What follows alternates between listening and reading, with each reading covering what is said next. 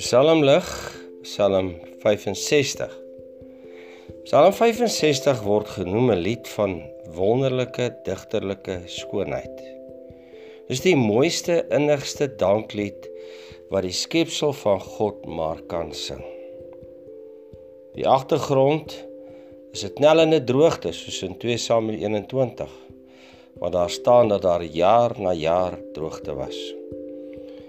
Ook Jeremia 14 vers 1 tot 6 beeld die ongenaakbaarheid van so 'n droogte uit.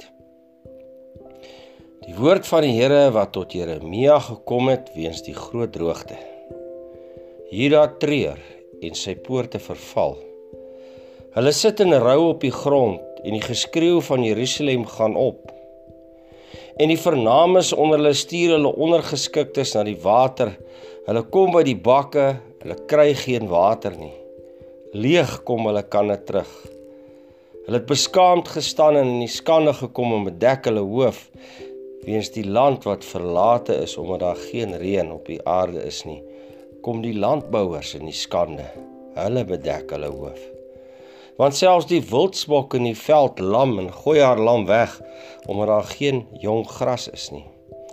En wilde esels staan op die kaal heuwels. Hulle snuif die wind op soos die jakkalse. Hulle oë versmag omdat daar geen gras is nie. Die volk het hierdie knellende droogtes gesien as besoeking van die Here oor hulle oortreding teenoor hom.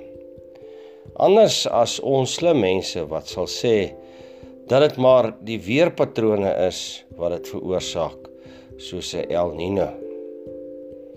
Israel het dan ook 'n vasdag uitgeroep soos Joël 2 beskrywe, Joël 2 vers 12 tot 14 Maar selfs nou nog spreek die Here: "Bekeer julle tot my met julle hele hart en met vas en geween en rouklag en skeer julle hart en nie julle klere nie. En bekeer hulle tot die Here julle God, want hy is genadig en barmhartig, lankmoedig en groot van goedertierenheid en een wat berou het oor die onheil. Wie weet of dit hom nie weer sal berou nie, sodat hy 'n seun sal agterlaat, 'n spysoffer en 'n drankoffer aan die Here julle God. Op hierdie knellende droogte en hongersnood val volg dan ook die uitkoms wat die Here in sy genade gee in sy goedertierenheid. En dan is juis dit in Psalm 65 vers 2 tot 4 die kinders van die Here se skoonste loflied tot eer van die Here.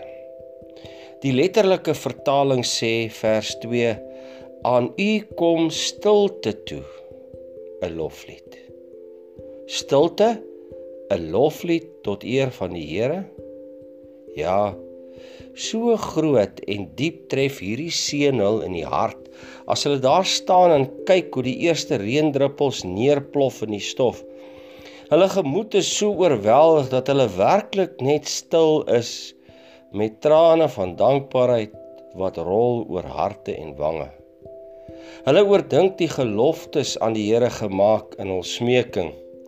Die moet nou onverwyld betaal word. Vers 2. Want hy het hulle gebed gehoor. Vers 3. Elkeen op wie die seën van die reendruppels val, moet verenig in hierdie belewenis. Tot U moet alle vlees kom. En die reën wat val, beleef die bidder ook dat sy ongeregtighede deur die Here versoen is. So lees ons in vers 4. As hierdie eerbiedige stilte van die indrink van God se goedheid dan uiteindelik woorde vind, dan vind dit die woord welgeluksalig is die een wat u uitkies en laat naderkom. En soos met die eerste reën na die knellende droogte bring dit nuwe hoop. So bring die berou, belydenis en vergifnis van die sondaar nuwe hoop en verwagting in sy diens aan die Here sy God. In die res van Psalm 65 word die Here dan ook geëer vir sy almag en versorging van sy kinders. En in hierdie skone loflied sing ook God se skepping saam soos ons dit sien in die beruimde Psalm 65 vers 9. Ons sien die klein vee langs die hange wat juigend veld toe gaan. Ons hoor omlaag die windgesange van hoë gehalmde graan. Omlaag die dale, omhoog die rande. Ja, alles jubel weer.